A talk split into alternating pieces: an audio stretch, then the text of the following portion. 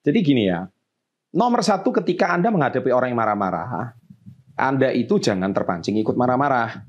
Ya, nah di sini ada tips menghadapi menghadapi orang yang marah-marah dan juga bagaimana Anda mengendalikan diri saat menghadapi yang marah-marah.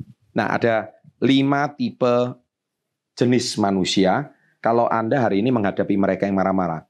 Pertama, kalau dia lebih muda dari kalian, misalkan gini, kalian ini anak kuliah, terus yang marah-marah anak SMA contohnya, nggak jelas gitu. Ya kan, jadi entah itu adik kelas, entah itu adik kandung, entah itu adik sepupu, pokoknya dia bawaannya marah-marah gitu. Jangan diladeni. Ya, jadi menurut saya kalau dia marah-marah, kalau dia lebih muda, nomor satu hitung dulu 10 detik. Ya, satu, dua, tiga. Nah itu caranya. Ya, jadi intinya Anda harus tahan dulu, banyak mendengar dulu, empat, lima, enam, hitung seperti itu. Jadi ini pengendalian diri loh. Kalau menghadapi orang marah-marah, telan ludah dulu. Ya, telan ludah dulu. Jadi jangan langsung diladeni.